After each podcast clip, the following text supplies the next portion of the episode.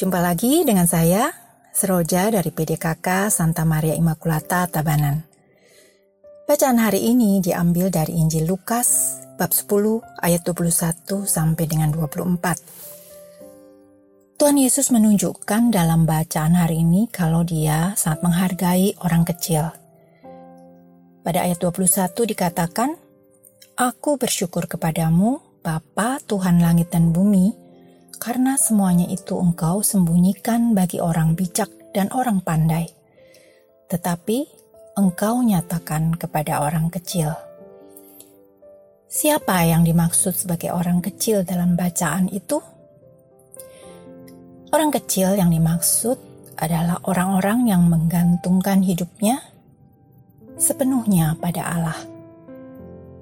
Orang-orang yang hidup tulus dan rendah hati yang sadar bahwa hidupnya sepenuhnya adalah anugerah Allah. Selain itu, orang kecil adalah juga orang-orang yang hidup dengan semangat kesederhanaan dan penuh belas kasih terhadap sesama. Karenanya orang kecil juga adalah orang-orang yang hidupnya selalu penuh dengan syukur. Sebaliknya, orang pandai, orang bijak adalah orang-orang sombong dan congkak yang mengira mampu melakukan segala sesuatu sendiri tanpa campur tangan Allah. Mereka seolah tidak membutuhkan bantuan Allah.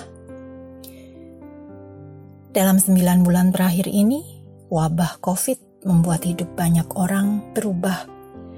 Karena COVID, banyak yang kehilangan orang yang dikasihi, kehilangan pekerjaan, kesulitan ekonomi, stres, depresi, Mungkin selama ini kita tidak sadar berlaku seperti orang pandai dan bijak itu, yang dengan congkak dan sombong pada kekuatan sendiri, merasa kalau tanpa Allah aku baik-baik saja.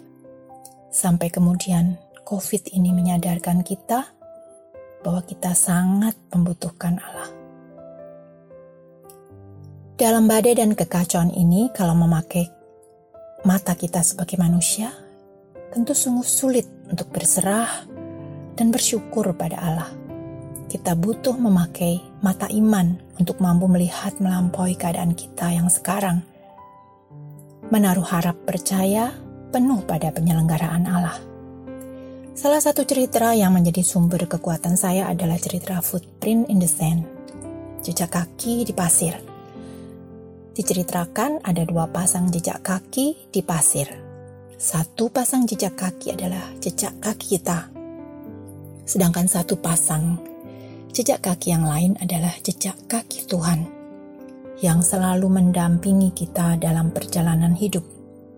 Namun, saat terberat hidup, justru hanya ada satu pasang jejak kaki, karena saat itu Tuhan sedang menggendong kita melalui badai. Indah sekali ya ceritanya. Karenanya bersyukurlah bahwa saat keadaan sekitarmu tidak bisa kau syukuri. Bersyukurlah terutama karena Tuhan selalu ada, selalu hadir menemani kita, menggendong kita di saat-saat tersulit kita. Masa Advent ini adalah saat berahmat bagi kita untuk belajar hidup